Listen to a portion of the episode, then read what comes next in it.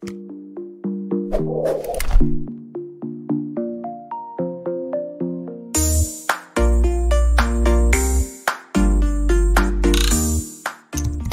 ini didukung oleh Toko IG.id, toko Instagramnya orang Indonesia. Salam bahagia kerabat desa Indonesia. Ketemu lagi kita di Kepoin Desa. Kita kepo-kepo tentang desa, kita cari tahu tentang desa dalam sebuah semangat memuliakan desa-desa Indonesia. Pagi ini luar biasa sudah ketemu apa? Kita kemarin ketemu Kades, ketemu Kades. Jadi kayaknya Kepoin Desa ini apa akan banyak ketemu dengan kades-kades inspiratif, kades-kades yang luar biasa. Ah, sudah hadir, oh, sudah hadir ngeri, sudah sudah rawuh di sini ah, Mas Lurah Prayogi ah, dari apa Malang Selamat pagi Sugeng Enjang, Mas Lurah, Mbah Lurah. Selamat pagi, salam sejahtera. Oke. Assalamualaikum warahmatullahi wabarakatuh. Waalaikumsalam. Jadi ini ini agak beda kades yang kemarin itu meletup-letup kalau ini kalem kalem kalem tapi luar biasa. Jadi peningkatan apa uh, apa status desa dengan IDM dan seterusnya ini informasi dari redaksi Amba punya BUMDes dengan omset yang luar biasa dan seterusnya. Mas Lurah, Pak Lurah, Mbak Lurah, Pak Kades. Ya, nah, uh, menarik ini kita ngobrolin tentang bagaimana menjadi apa generator ekonomi. Pilihannya pilihannya redaksi ini bahasanya ngeri-ngeri. Aku kadang-kadang juga ini generator ekonomi di Sangkroto ini. Ah, ah, boleh boleh berbagi. Sebenarnya ada ada program apa yang kemudian luar biasa untuk apa di Sangkroto ini? Kemudian ah, apa mendapatkan penghargaan, mendapatkan apresiasi yang secara spesifik kita bicara tentang apa uh, indeks desa membangun ya Mas ya. Monggo silakan Mas Lurah. Iya Pak Suryo, terima kasih. Jadi sesuai dengan judul generator ekonomi desa Ngeroto, ini dahsyat ngeri juga judulnya. Iya. ya. Tapi paling tidak ini, ini tim luar biasa ini luar membuat biasa, kita harus banyak mikir gitu ya. Monggo monggo. Jadi uh, di sini boleh saya cerita sedikit bahwasanya yang pertama perlu digarisbawahi. Hmm. Seorang kepala desa itu harus punya dasar adalah betul-betul amanah. Ya. Menjalankan uh, penyelenggaraan pemerintahan desa hmm. di desanya. Dan tentunya Desa Ngeroto ini awalnya juga uh, desa yang masuk statusnya masih tertinggal. Hmm. 2013 masuk desa berkembang. 2013 sudah berkembang.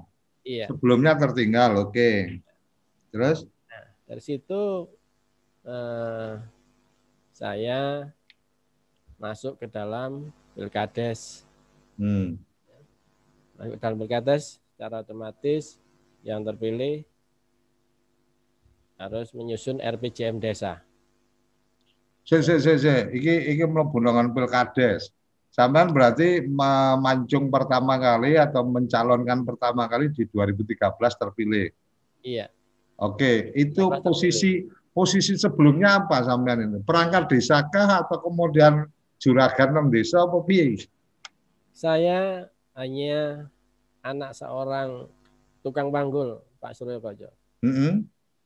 Yang pendidikannya rendah Orang Kok bisa kepilih jadi kades? Iya, sedikit saya cerita ini ya.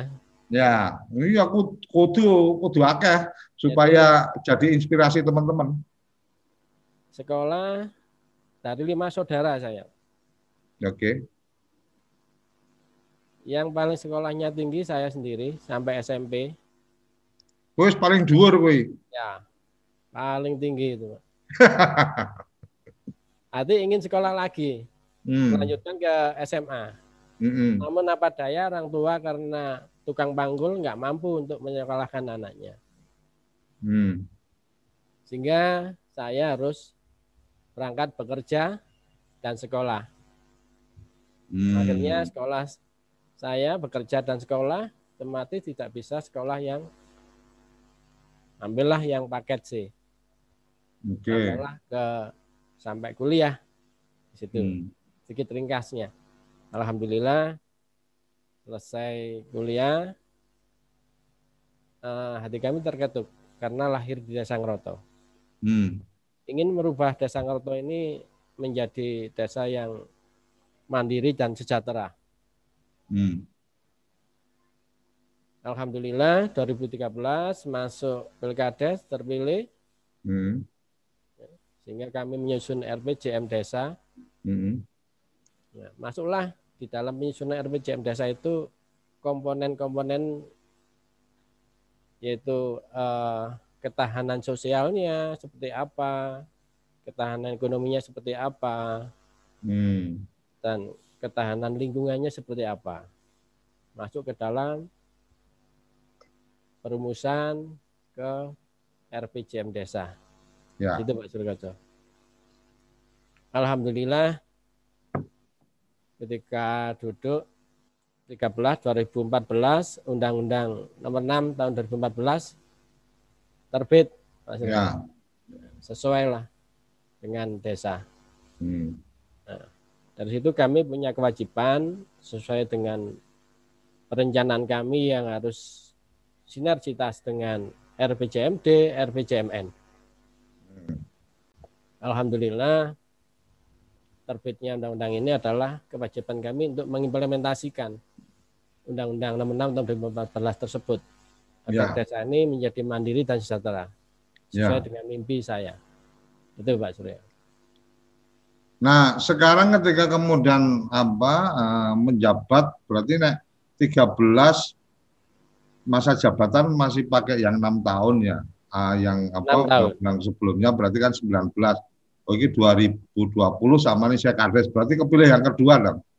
Iya, Masih masih ada kesempatan satu kali lagi sampai ketiga kali. nah, oke Pak, sekarang dengan kondisi itu kemudian membuat perencanaan dan seterusnya artinya melibat ke keterlibatan masyarakat untuk dalam proses penyusunan apa RPJMDes dalam musyawarah desa dan seterusnya apakah itu memang partisipasinya masyarakat bagus atau kemudian pada akhirnya ya suka tidak suka tokoh lokal atau tokoh lokal leadernya itu apa kades itu memang harus kemudian punya terobosan-terobosan yang eh, masyarakat akhirnya ya wis pokoknya manut wae dan seterusnya kira-kira kayak apa nih?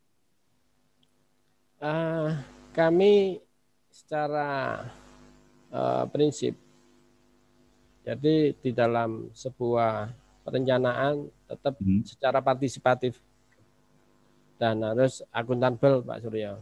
Hmm. Jadi istilah eh, semua elemen masyarakat, stakeholder, selama kelompok perempuan dan lain kita libatkan semua untuk Hmm. menyusun sebuah perencanaan. Sampai Artinya- pertang- Artinya lembaga-lembaga lembaga-lembaga kemasyarakatan desa juga apa eh, aktif ya Mas ya?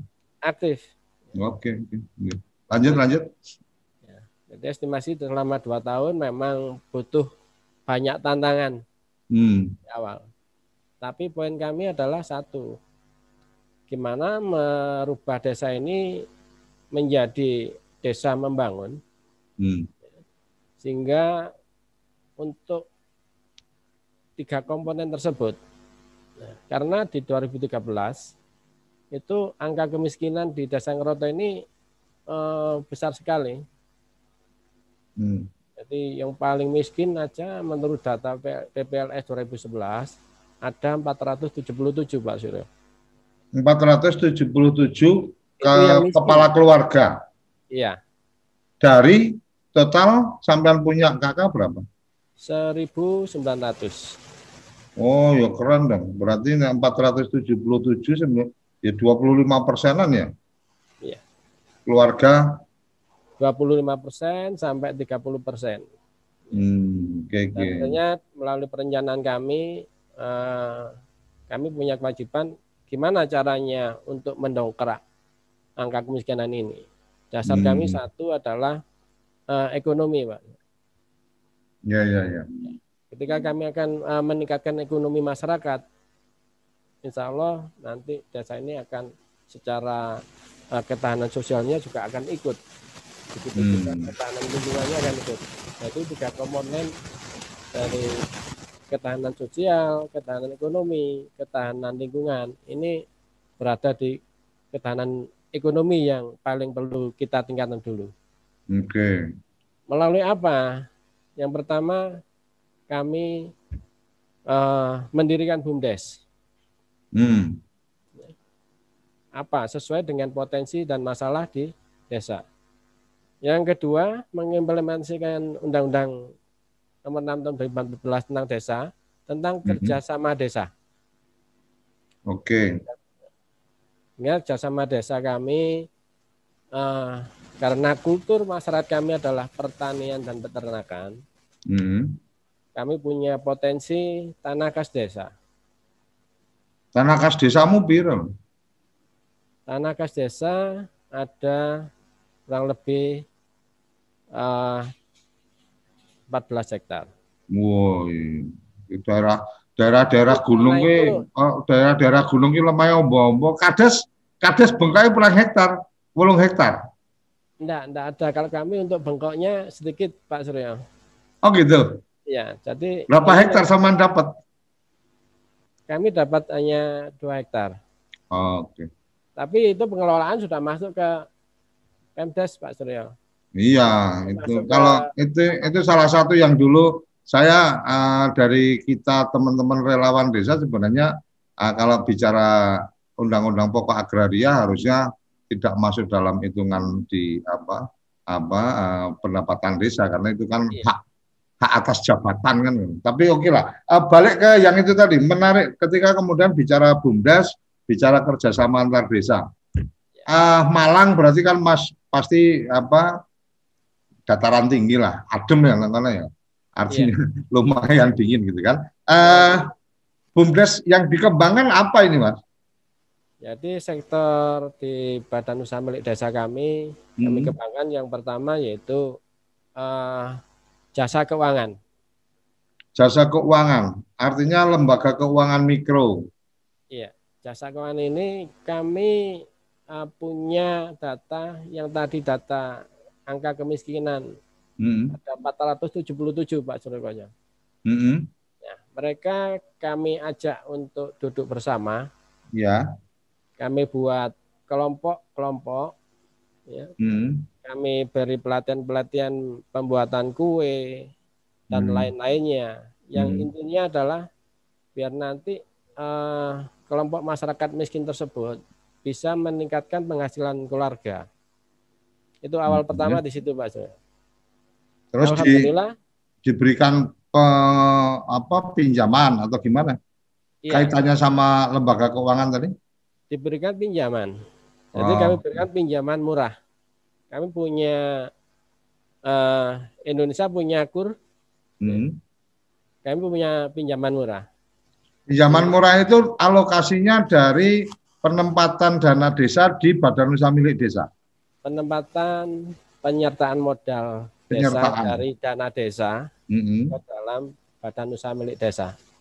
Oh berarti berarti coba aku aku coba menerjemahkan ya mas. Iya. Sampean uh, kemudian membuat kebijakan karena memang desa punya hak untuk meng, apa, menempatkan uh, penyertaan dalam bumdes, zaman tempatkan itu di lem, apa, uh, lembaga keuangan mikro atau apa uh, lembaga keuangan uh, di BUMDes itu tetapi dari desa kemudian tidak ada target harus mendapatkan keuntungan berapa lebih pada bagaimana memfasilitasi masyarakat bisa mendapatkan kredit murah artinya duitnya desa juga nggak habis hilang tetapi masyarakat juga terbantu ngono kira-kira Iya, betul sekali Pak Suri. Oke, mantap. Penyertaan modal awal itu hmm. untuk khusus memang warga miskin. Hmm. Khusus warga miskin yang mana nanti mereka kami bina terus, kami profil terus sehingga mereka yang biasanya warga miskin itu buruh tani, Mm-mm. masih kami dapat eh, upahnya ini sehari 50.000 ribu Mm-mm. Ya. karena anaknya lebih dari dua, pasti tidak cukup Pak Srokoco. Mm-mm. Namun di situ Adem kok ya Mas ya. Adem nek kalau anak sidik rada angel ki Mas. lanjut lanjut lanjut. sehingga warga yang terkelompok di warga miskin kami itu dia bisa jualan contohnya gorengan, cilok, ya, dan lain-lainnya. Sehingga mereka di sisi lain buruh tani dapat upah 50 ribu. Sekarang bisa dagang cilok, bisa jualan gorengan, bahkan hasilnya malah melebihi dari upah buruh taninya. Sehari dia dapat 75.000 sampai 100. Alhamdulillah estimasi kami upah untuk buruh taninya 50.000 sama usaha peningkatan penghasilan keluarga dapat 75 sudah 125 Pak Suryokojo. Estimasi kami warga miskin kami satu bulan ya, sudah 3 juta 250 sudah tidak kalah dengan gajinya eh, PNS di golongan yang paling bawah Pak Sro. Di sini. Kuwi wis wis ngalahke gajiku kuwi. Jadi katanya di situ. Awal ini Pak Suryo ya. Ya ya ya ya. Awal jadi untuk meningkatkan ekonomi di sana. Hmm. Tapi kami tidak berhenti di situ saja. Jadi satu bidang eh, indikator di unit usahanya BUMDes adalah memang khusus untuk peningkatan ekonomi masyarakat miskin. Hmm. Alhamdulillah 2018 Pak Suryokoco Ya. ya BUMDes berdiri 2015 akhir. Ya. Jadi 16, 17, 18 Mm-mm. angka kemiskinan yang datanya 477 kemarin kami data bersama Bapeda Kabupaten Malang Ah, dan eh, dari tim Galang Kesan hmm. penanggulangan angka kemiskinan hanya tinggal 27 kakak saja yang rentan. Oh, oke. Luar biasa. Dari 400 sekian tinggal 27. 27 kakak. 2018. Ya, ya, ya. Itu satu bidang Pak Surakajo. Bidang lain Artinya artinya eh, Mas Lurah ini memposisikan lembaga keuangan mikro itu tidak sebagai apa mesin penghasil keuntungan untuk desa, tetapi lebih pada mendorong itu menjadi mesin penggerak bagi peningkatan apa pos- eh, status teman-teman yang mungkin rentan kemudian bisa menjadi apa lebih baik gitu ya Mas Kades ya. betul sekali. Oke. Terus kalau nah, kalau kalau bicara bumdes kan ada bagian yang kemudian oke ini bagian dari apa mandatory dari kades atau dari desa untuk kemudian melakukan itu tapi ada juga dong man- apa mandat bumdes untuk menghasilkan untung Iya. di bagian unit usaha mana, Mas? Satu bidang lagi yang untuk khusus eh, penyertaan modal ke BUMDes untuk mendapatkan untung adalah yang pertama melalui wisatanya, rafting, Oh, ada ada tempat wisata yang sampean kelola. Hmm. rafting Pak Suro. Jadi nanti Rafting. kalau main ke Ngeroto Pak Surokajo, Rafting rafting yang ngenteni mongso udan to, Mas. Nek isa rendeng ngene ya ora ono banyune ta. Eh? kami punya potensi sungai.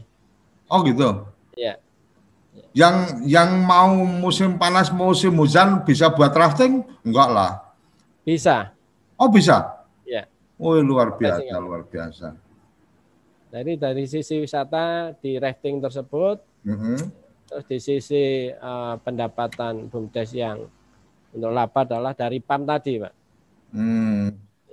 Berarti sekarang ini posisi di Desa Saman ini BUMDes ada berapa unit usaha? Satu tadi lembaga keuangan mikro. Ini lebih pada agenda apa penguatan ekonomi masyarakat lah. Artinya uh, yang saya tangkap di lembaga keuangan mikro sama tidak mentargetkan harus dengan kemudian keuntungan yang besar karena memang ada kredit murah karena kalau bicara kredit murah kan berarti apa ini tidak jadi agenda untuk kemudian menghasilkan duit kan gitu Mas. Nah, yeah. uh, kemudian yang apa yang berikutnya adalah uh, wisata apa lokasi wisata sama apa uh, air ya. Apa air. Air. Kalau air ini lebih pada penyediaan air bersih untuk masyarakat. Untuk masyarakat. Termasuk juga ada hotel-hotel atau apa di sekitaran situ yang kemudian dilayani karena salah satunya kalau bicara air itu yang saya selalu apa saya masih ingat betul mulai dari 2004 dulu saya apa mulai mempelajari tentang desa dan seterusnya potensi air ini potensi yang sangat luar biasa untuk kemudian apa desa kalau bisa memanfaatkan dengan baik itu iso sugih beneran lah sekobanya. Cuma kalau kemudian tadi balik ke yang Mas Kades tadi sampaikan, nek lurai ora amanah gitu kan, Kades ora amanah ya jadi bisnisnya Pak Kades wae ora bisnis apa ora bisnis desa kan ngono Mas? Ya. Eh? Eh? Oke oke oke. Berarti ada ada tiga tiga itu. Kemudian uh, ini kan kalau Dan kita bisa ada ya ada toko toko pertaniannya juga. Oh ada toko pertanian. Juga. Oke. Toko pertanian. Toko per, kalau toko pertanian murni agendanya bisnis apa agenda untuk menjadi penyalur produk-produk subsidi dan seterusnya? Jadi pertanian ini adalah untuk penyalur juga karena eh, sesuai dengan potensi di masyarakat Ngeroto, hmm. banyak yang membutuhkan benih, pembibitan dan lain. Kami punya potensi pembibitan, ya, pembibitan sayur mayur, sehingga benihnya disiapkan oleh unitnya BUMDes Tuku Pertanian tadi. Bis, apa bibitnya disediakan oleh BUMDes? Benihnya. Benihnya. Oh jual benihnya. Iya. Hmm, oke, oke, oke. Berarti ada empat lembaga keuangan mikro, objek wisata, pengelolaan air bersih, sama toko pertanian. Ya mas, apa isi ana mana? Jojo unitnya agak sama suwese dari konglomerat bisa. Ya, kami memang tidak mengejar orientasi profit, hmm. tapi lebih mengarah kebutuhan masyarakat kami berputar di desa kami. Hmm. Tapi kan gini, uh, Mas Lurah, ada bagian yang kemudian zaman juga harus mempertimbangkan ketika mengembangkan bumdes jangan sampai juga mematikan bisnis dari masyarakat, teman. Betul sekali. Yang sampean apa yang sampean kemudian pikirkan tentang itu seperti apa? Iya. Unit-unit. Jadi kami melakukan pemetaan. Mm -hmm. Eh, masyarakat kami ini usahanya apa saja. Ketika usaha yang sudah ada di masyarakat kami, di kelompok masyarakat, kami tidak akan mengambil usaha tersebut. Hmm. Pertanian ini kami hanya menyiapkan benih, ya mereka kelompok pembibitan, hmm. penangkaran pembibitan, yang mana bibitnya nanti dijual ke petani-petani. Art, artinya memang pada saat awal membangun badan usaha milik desa, itu Mas Lurah dengan teman-teman melakukan identifikasi iya. masyarakat yang sudah berkembang apa dan seterusnya. Betul. Kalau toh akan mendirikan, maka itu adalah menjadi bagian yang membantu bisnis mereka Betul. atau mendirikan sesuatu yang memang masyarakat belum ada yang melakukan bisnis itu. Mana Mas? Betul. Kami oh. melakukan identifikasi dulu. Ini ini ini ini yang paling benar ini bikin bikin bumdes jangan kemudian mematikan bisnisnya masyarakat. Artinya ketika warganya ada yang jual kelontong, bumdes nggak toko nong sebelah lah ya mateni warganya teman. Eh? Ya. Nggak terjadi ya di sampean ya? Enggak, enggak. Kami e-warungnya justru bekerja sama dengan uh, masyarakat. Hmm. Contoh kami Bumdes punya e-warung tapi kerjasama sama toko-toko Artinya sampean masuknya di sampean masuknya di grosirnya. Warung-warung warung-warung ya. yang sekarang sudah ada bisa dapat belanjanya apa jadi ya, barangnya lebih murah karena Betul. belanjanya di Bumdes. Dan Bumdes tidak melayani penjualan langsung kecuali uh, melayani penjualan ke warung-warung yang dibuka oleh masyarakat. Betul. Oh luar biasa ya pantas lah sama jadi juara kan. Artinya pemahamannya wis bener lah. Ada teman-teman yang kemudian kadang-kadang mikirnya simple wae lah wis ana duitnya terus langsung gawe minimarket gitu kan, gawe minimarket cedak warungnya warga, nah akhirnya kan terus tadi mematikan bisnis warga. Oke, luar luar biasa. Mas, bicara tentang IDM uh, yang tadi sampean sampaikan ada bicara tentang sosial, ada bicara tentang ekonomi, ada bicara tentang ekologi. Yang tadi kita obrolkan mungkin masih di urusan ekonomi. Ya. Urusan uh, masih ada lagi nggak yang sampean boleh berbagi di sini tentang agenda ekonomi? Masih. Hmm. Jadi pergerakan ekonomi di desa ini dibutuhkan hmm. ketika sebuah desa ini mampu mengimplementasikan Undang-Undang Nomor 6 tahun 2014 hmm. yang mana di babnya adalah kerjasama. Hmm. Ini akan luar biasa outputnya. Kerjasama antar desa itu ya? Kerjasama antar desa, kerjasama dengan pihak ketiga. Nah. Kami melaksanakan berdasarkan pemetaan potensi hmm. tanah kas desa kami, kami kerjasamakan dengan pihak ketiga. Tanah kas desa? Betul. Tanah kas desa posisinya strategis atau posisinya subur atau posisinya apa ini? Posisinya tidak subur ya, karena bukan uh, tanah basah, Aha. tanah kering. Hmm. Posisi berada di uh, lereng bukit. Hmm. Nah, akhirnya kami kerjasamakan dengan pihak ketiga untuk untuk uh, mendirikan subterminal agrobisnis Oke. Subterminal agrobisnis iya. terkoneksi dengan jaringan dari mitra itu. Iya, awal seperti itu. Hmm. Sehingga karena uh, potensinya adalah uh, Desa Ngroto ini pertanian dan peternakan. Hmm. Jadi penghasil sayur mayur. Nah, dan akhirnya uh, menjadi pasar sayur mantung itu Pak Surakojo. Pasar sayur? Pasar sayur mayur. Oh. Ini tempat itu pelelangan. Untuk yang untuk yang ini ya, untuk yang untuk yang kemudian didistribusi ke kota-kota itu ya. Iya. Mas, aku ada punya pengalaman, ah, bukan pengalaman. Apa? Aku pernah main di satu tempat, kadesnya luar biasa.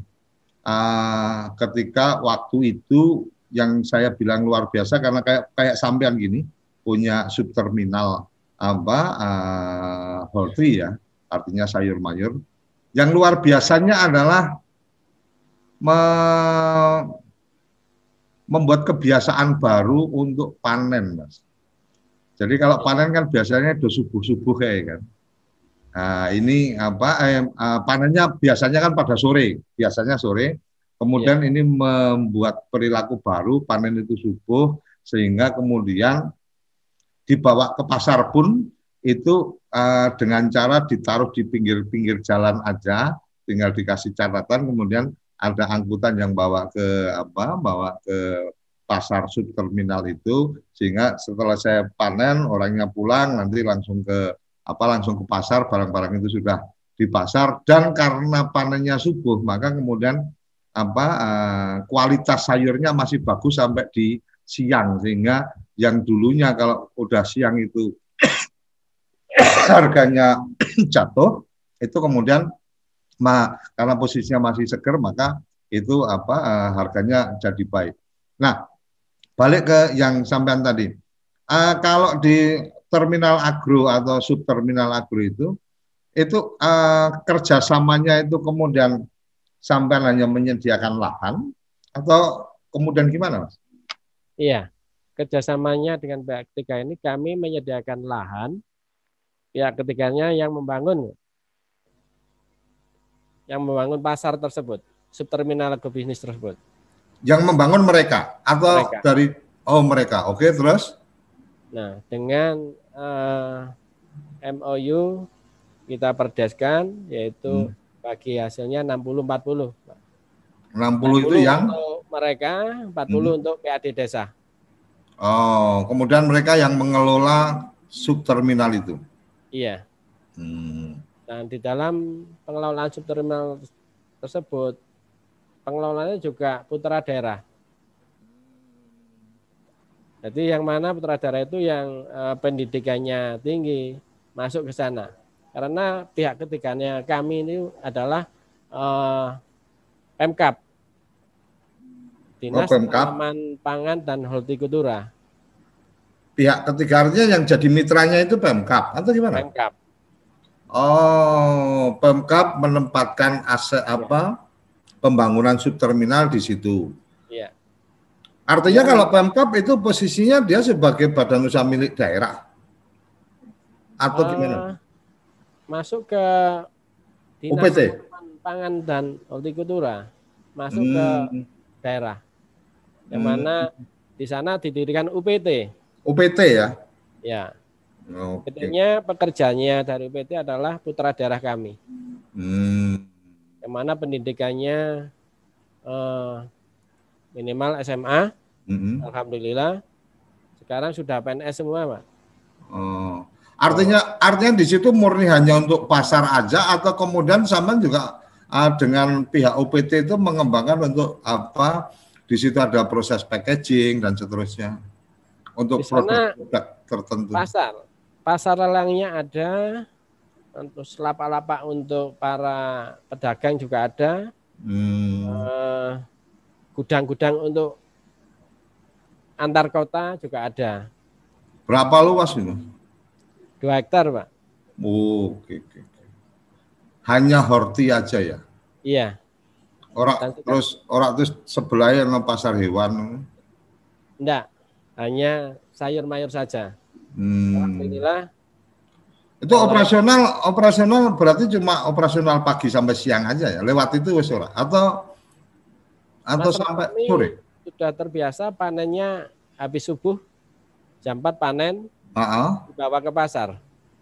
Jam 4 panen bawa ke pasar habis itu oh berarti eh, logiknya sampai siang ya, sampai jam Iya. 11-an ya. sampai jam 11-an. Eh, berarti lewat itu Juga ada aktivitas tapi yang eh, kirim antar provinsi, antar kota. oh yang yang di atas jam 11 pasti untuk urusan ke apa luar daerah ya. Iya.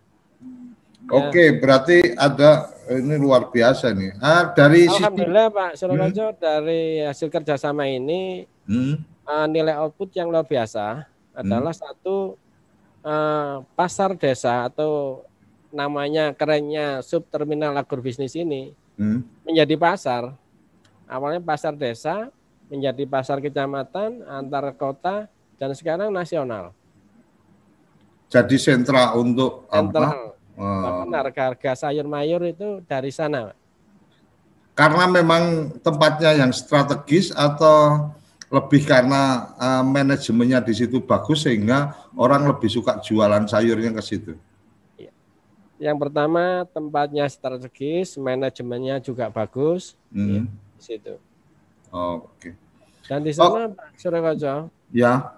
eh, per hari putaran uang di sana lebih dari 2 M Di pasar itu. di pasar itu. Terus pertanyaannya mlebu nangane APBDesmu saka pasar ki piro?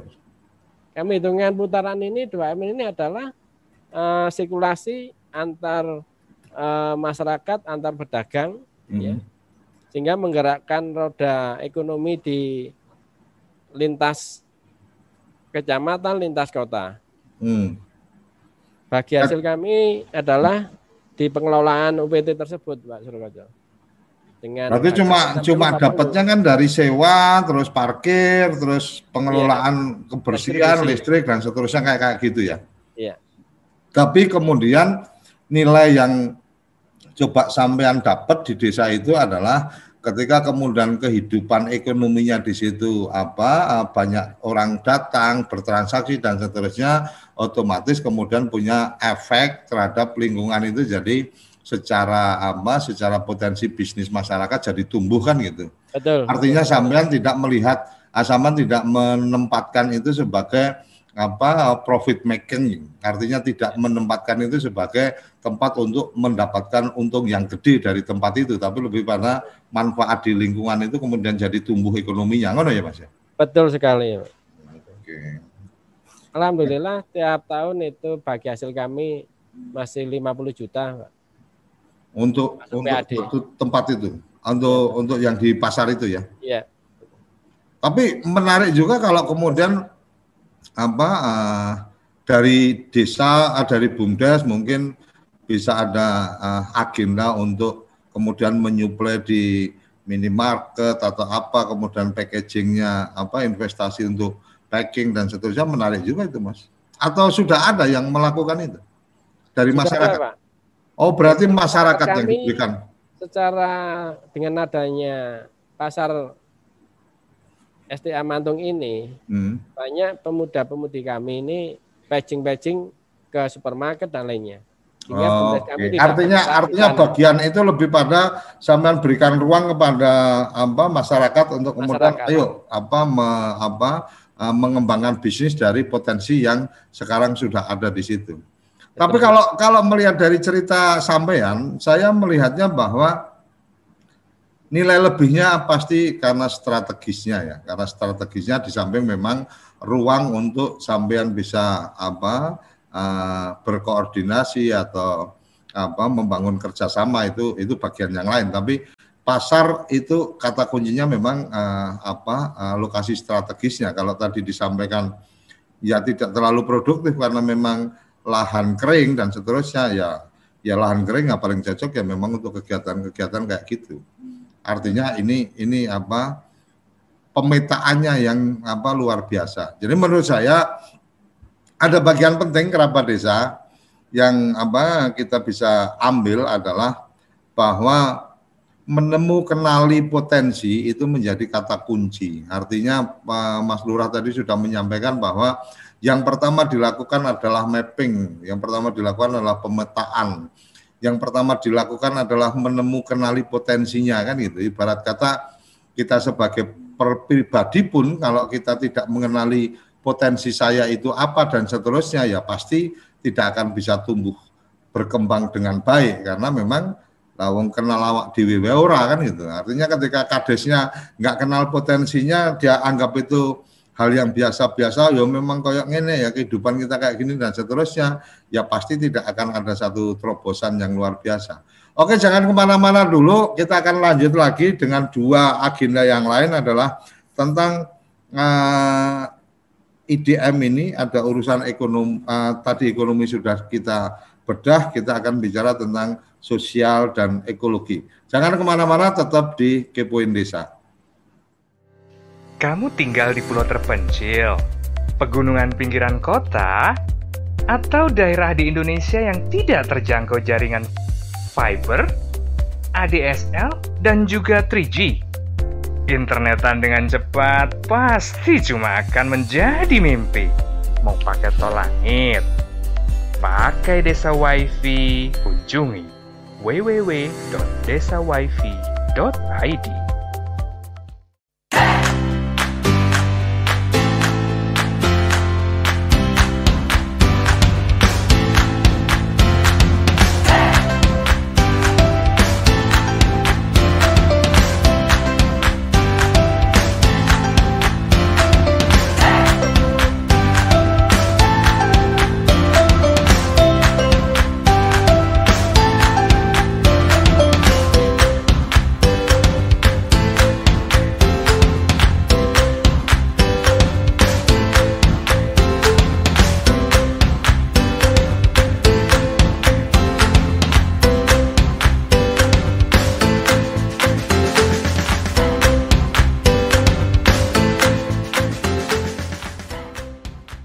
Toko IG.id, toko Instagramnya orang Indonesia.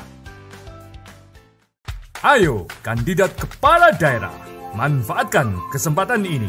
TV Desa mengundang Anda bicara desa. 5 menit bisa. Bicara Desa. Sebuah program tayangan monolog, konsep membangun dari desa. Dari kandidat untuk masyarakat. 5 menit bisa. Bicara Desa. Hanya di TV Desa. Oke, kembali lagi kita di Kepoin Desa. Kita kepo-kepo tentang desa, desa Ngeroto, dan kita ingin belajar bagaimana cara memuliakan desa-desa di Indonesia. Ada tiga tadi yang di apa disampaikan oleh Pak apa Mas Kades tadi tentang ekonomi, uh, uh, tentang sosial, mestinya sosial, ekonomi, dan kemudian ekologi. Uh, balik ke tadi ekonomi sudah kita bedah cukup panjang dan buat buat saya kerabat desa, apa yang disampaikan oleh Pak uh, Kades ini adalah sesuatu yang luar biasa tentang bagaimana memahami badan usaha milik desa dengan benar dan tepat menurut saya setidaknya. Karena menurut yang lain mungkin berbeda. Tapi menurut saya ini yang paling tepat karena apa? Karena satu, BUMDes tidak akan pernah melakukan bisnis yang itu sudah ditangani oleh masyarakat. Yang kedua, BUMDes lebih ada agenda-agenda sosial yang tidak harus rugi untuk kemudian melakukan apa eh, penguatan ekonomi masyarakat seperti yang tadi disampaikan ada lembaga keuangan mikro tapi kemudian uh, Mas Kades ini tidak membuat standar bahwa lembaga keuangan mikro harus menghasilkan keuntungan berapa dan seterusnya, tapi lebih bagaimana dia mampu memberikan pelayanan kredit murah kepada masyarakat dan empowering kepada masyarakat dari sisi ekonomi.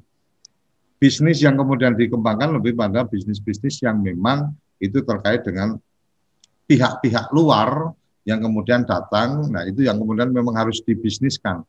Kasar katanya saya eh, kadang-kadang juga ngop, apa bicara ke teman-teman kalau sama warga itu kamu harus sosialis gitu kan. Artinya kepada warga itu kamu harus sosialis.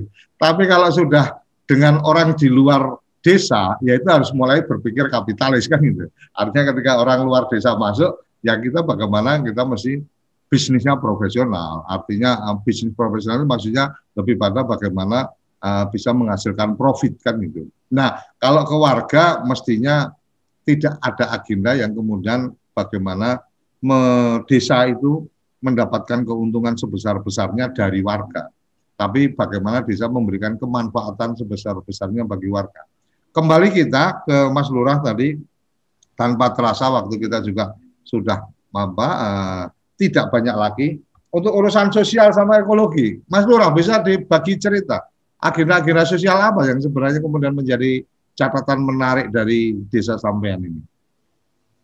Iya, Pak Surya. Jadi untuk ketahanan sosial ini sangat penting. Yang hmm. mana di dalamnya indikatornya adalah pendidikan, kesehatan, eh, modal sosial, permukiman. Hmm. Salah satu di pendidikan, sebuah desa ini tentunya melalui mapping juga. Hmm apakah pendidikannya masyarakat ini anak-anak kita ini sudah uh, wajib belajar 9 tahun, 12 hmm. tahun dan lainnya. Hmm. Sehingga kita mapping, adakah yang masih belum sekolah? Hmm. Untuk itu kami melalui di indikator pendidikan, kami melalui perencanaan masuklah ke dalam uh, eh, RPJM desa, RKP desa, kita eksekusi ke APBDes, yaitu hmm mulai dari PAUD nih, sampai TK yang milik desa. Yang pertama di sektor pendidikan adalah kita berikan sebuah eh, perhatian terhadap PAUD dan TK. Mana PAUD sama TK itu apa eh, kemudian menjadi investasi desa. PAUD eh, kewajiban desa, ketika hmm. sudah punya PAUD adalah Uh, kalau belum punya gedung, kita membuat membangun gedung, pautnya, taman bermainnya, alat-alatnya dan lainnya. Begitu juga bunda-bunda pautnya perlu diperhatikan. Masuk ke dalam APBDes, Pak Surokojo. Oke. Okay. Walaupun anggarannya tidak uh, begitu besar, tapi yang terpenting adalah uh, pemerataan untuk sebuah penganggaran. Okay. Di sektor pendidikan. Edukasi juga ke masyarakat pendidikan juga penting. Hmm. Sosialisasi ke masyarakat, para orang tua bahwa pendidikan penting. Ya. Wajib belajar 12 tahun. Apalagi sekarang 12 tahun, Pak Soekarno. Alhamdulillah, Desa Roto eh, yang dulunya tidak sekolah, sekarang sudah lewat semuanya, Pak Soekarno. Di situ. Artinya semua sudah terpenuhi di wajib belajar 12 tahun. Dan alhamdulillahnya di Desa Ngeroto ini untuk lembaga pendidikan hanya yang belum ada adalah perguruan tinggi saja Pak Surkajo. Oh gitu. Iya. Mungkin Pak Surkajo mau mendirikan perguruan tinggi di Dasang Roto, kami buka Boleh. kami siapkan, Nanti kita Pak. nanti kita siapkan apa institut desa di Ngeroto.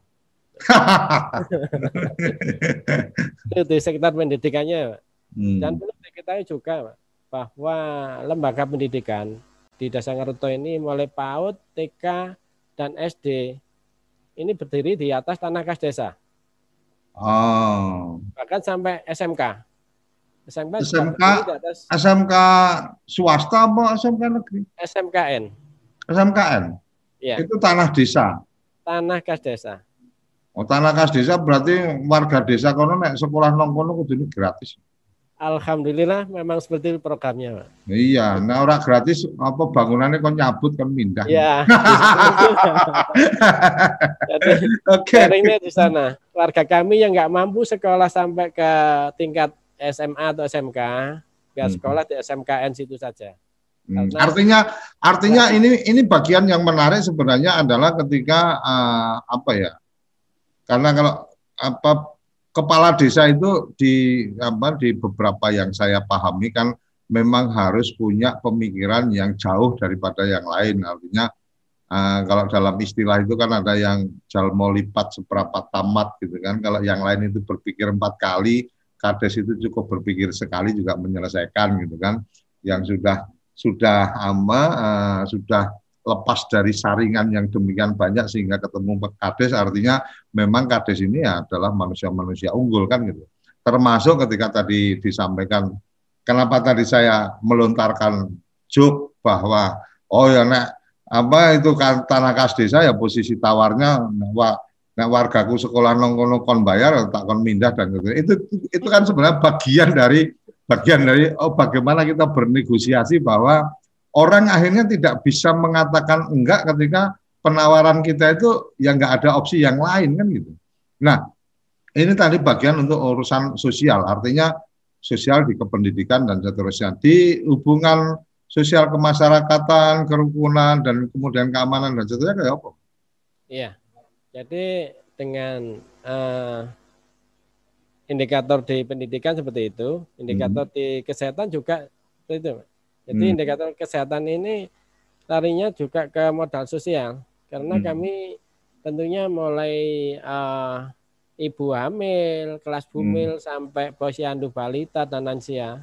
Hmm. Kami secara mapping eh, di posyandu kami datang ke posyandu hanya satu menit sudah sampai Hmm. dan rutinitas untuk tiap bulan. Ini di indikator kesehatannya di sosial.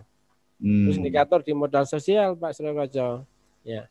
Kami karena petani kami adalah petani sehingga kami eh, ketika ada dana desa ini kami takut bahwa nilai partisipasi dan gotong royong masyarakat ini hilang. Oke. Ya, akhirnya kami harus menjaga nilai-nilai itu agar tetap. Dengan cara apa? Cara satu kami membuat sebuah agenda. Hmm. Setiap hari Selasa Kliwon kerja Hmm. bakti. Hmm. Itu contohnya. Kliwon. Kearifan lokal, ya. Untuk kearifan lokal. Jadi setiap hari Selasa Kliwon pasti eh, kerja bakti para petani kami, kelompok tani kami membersihkan saluran irigasi, jalan dan lainnya. Ini Berarti nomor- 35 hari sekali ya.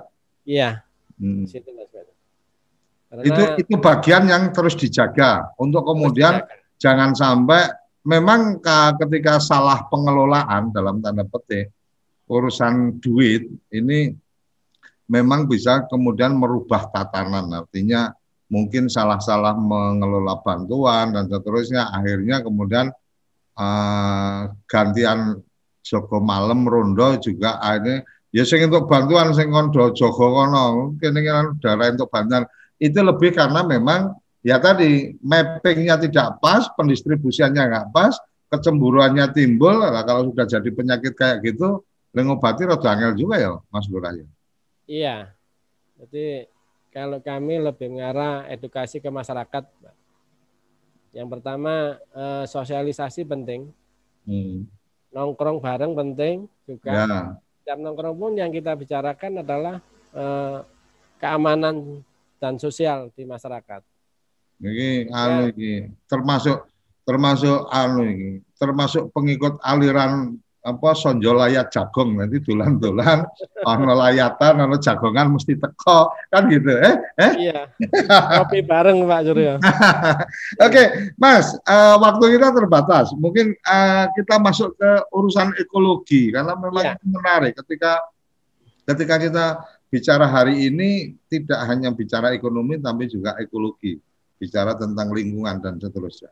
Apa Iya. yang kemudian sampean apa eh, bisa pamerkan atau bisa sampaikan untuk inspirasi kerabat desa yang lain tentang bagaimana uh, bicara ekologi karena kan tidak semua orang juga paham tentang ekologi, tidak semua orang juga care dengan urusan lingkungan. Monggo, Bang.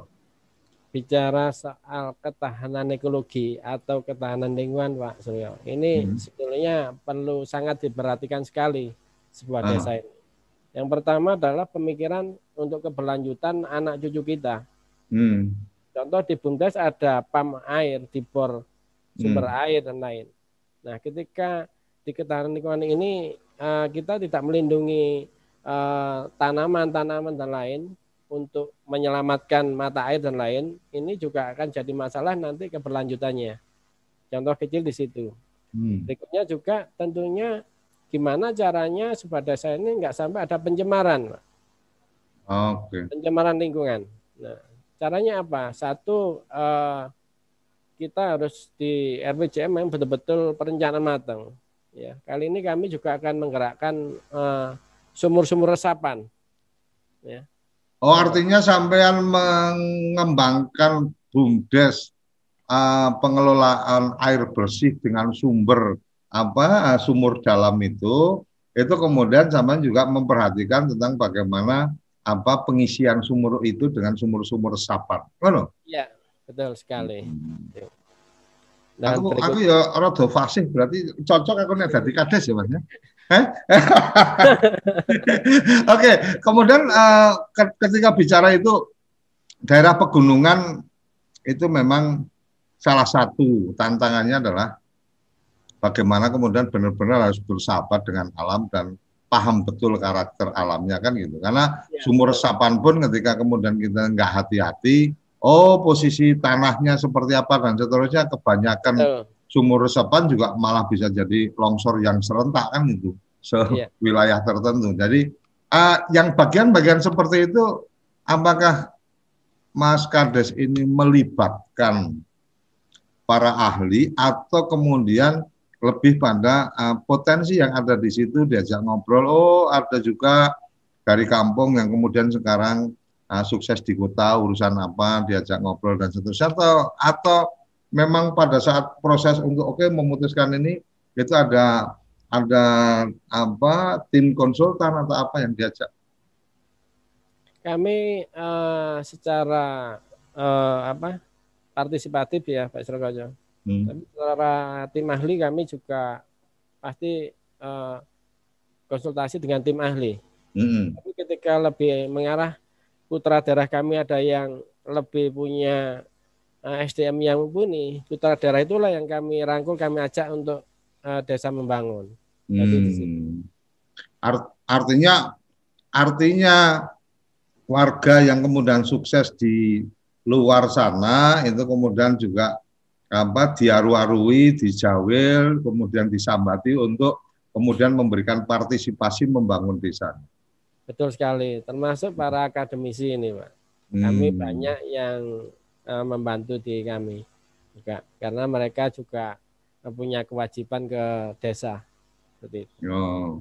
Ada eh, ada program khusus dari kampus tertentu untuk menjadi pembina desa sampean atau Belum ada, Pak. Jadi Oh, kami belum. berdasarkan kadang masuk di KCD juga banyak ilmu yang diberikan Ya. Hmm. juga itu sangat bermanfaat sekali buat desa kami bahkan Hmm. buat desa-desa se-Indonesia juga Pak Sokojo. Artinya Jadi, mengoptimalkan dan memaksimalkan pemanfaatan dana desa ini ketika kemudian menggunakan ilmu-ilmu yang benar maka apa kemanfaatannya akan luar biasa ya. Akan luar biasa. Ya. Roto dapat dana desa paling kecil sendiri, Hmm. belum pernah 1 M Pak Sokojo. Oh gitu.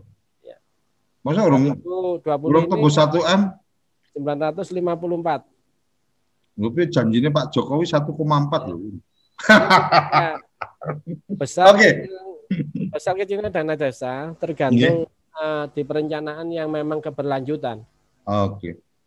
Jadi uh, uh, saya sempat menyampaikan di salah satu forum saya sampaikan bahwa dapat dana desa ini sebenarnya ibarat kata kades itu sama seperti anak yang dapat warisan dari orang tua kan. Kalau kemudian warisan itu dimanfaatkan dengan benar, maka kemudian akan bertambah.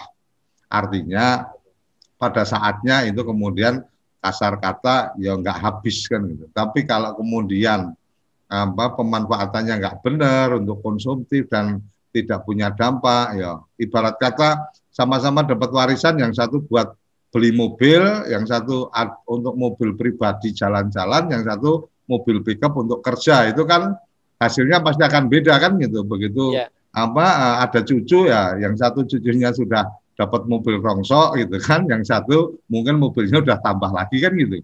Bener gitu ya, Mas Kades ya? Iya, iya. Artinya artinya jadi tantangan bersama adalah bagaimana mengedukasi atau memberikan pemahaman kepada teman-teman kepala desa karena lokal leadernya pasti kepala desa untuk kemudian menyadari itu karena aku juga sempat menemukan ya yang penting kan ketok fisiknya kan gitu. Jadi kemudian bangun gapura sing ratusan juta gitu kan. Gapurane gapurane ngalai gapurane ka, apa kecamatan apa kabupaten gitu kan. Secara ekonomi ke masyarakat nggak ada dampaknya gitu kan. Gapura mewah kan juga nggak ada dampaknya. Jalan yang mestinya itu jalan apa jalan kebun atau jalan sawah itu di paving kan nggak masuk di ini ya. Iya. eh benar ya mas ya? Betul, betul. Dan dan dan masih ada juga teman-teman kepala desa yang seperti itu kayak semoga ya ke depan sudah nggak ada ya mas Semoga ke depan sudah nggak ada. semoga ke depan sudah nggak ada Sesuai ada mas di masalah di desa. Nah, Mas ini eh, tanpa terasa waktu kita sudah satu jam.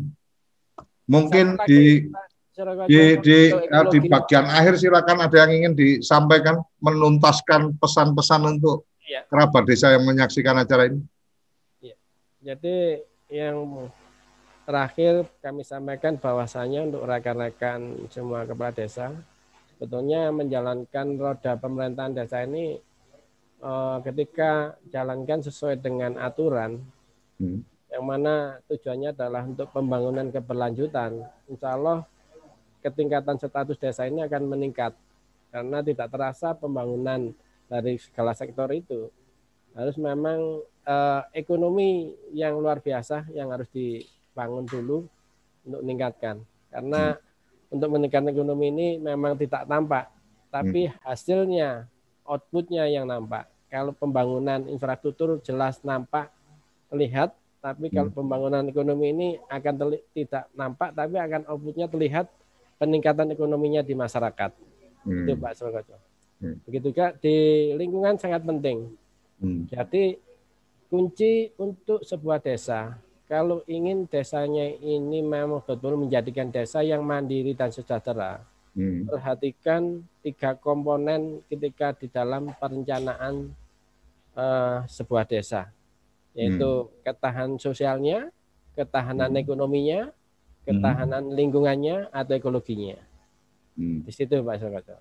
Dan terakhir kami sampaikan eh, bahwa eh, Keroto juga punya pengelolaan sampah organik yang Hmm. mana sumbernya dari masalah di pasar Mantung tadi. Hmm. Dengan sampah setiap hari lebih dari tiga ton Pak Surkojo. Hmm. Akhirnya kami bersama eh, masyarakat pendekatan dengan pemerintah setingkat di atasnya masuklah akhirnya karena masalah tersebut jadi eh, pengolahan sampah organik menjadi tenaga listrik Pak Surkojo. Hmm. Ini masuk di ketahanan ekologi juga Oke. masalah yang di pasar Mantung tadi Hmm. itu sedikit untuk ekolo- ekologinya saya tambahin. Yang Oke. terakhir kami sampaikan adalah penting sekali kami ulang lagi bahwasanya sebuah perencanaan itu memang harus betul-betul matang, partisipatif dan akuntabel.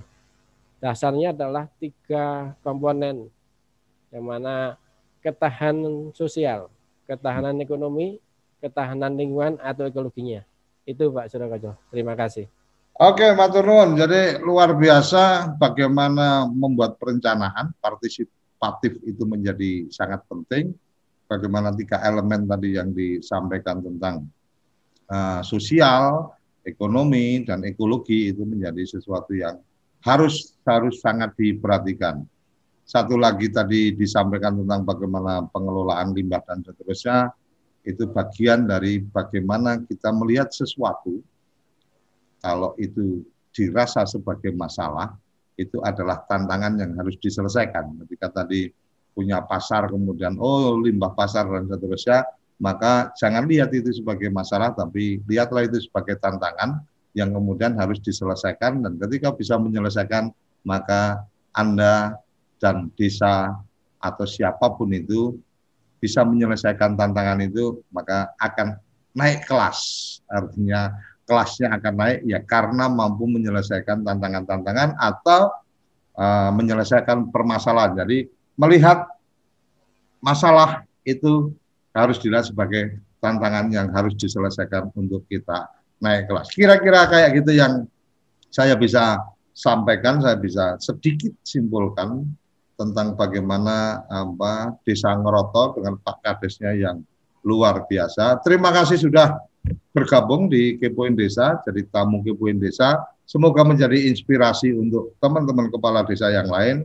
Beberapa kepala desa sudah hadir di sini, semoga kepala desa-kepala desa yang lain juga berkenan untuk berbagi ilmu di Kepoin Desa kita uh, forum ini ada usul saran untuk yang bisa diundang di sini silahkan ke 083 kali 01317160 tim redaksi kami akan mempersiapkan uh, dan mengkomunikasikan untuk bisa berbagi uh, cerita-cerita uh, inspiratif di Kepoin Desa. Kepoin Desa, kepo-kepo tentang desa dalam sebuah semangat memuliakan desa-desa di Indonesia. Sampai jumpa di episode-episode berikutnya. Salam bahagia kerabat desa Indonesia. Terima kasih.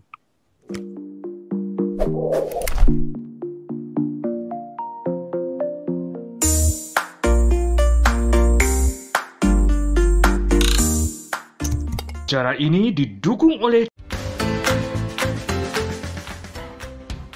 Toko IG.id, toko Instagramnya orang Indonesia.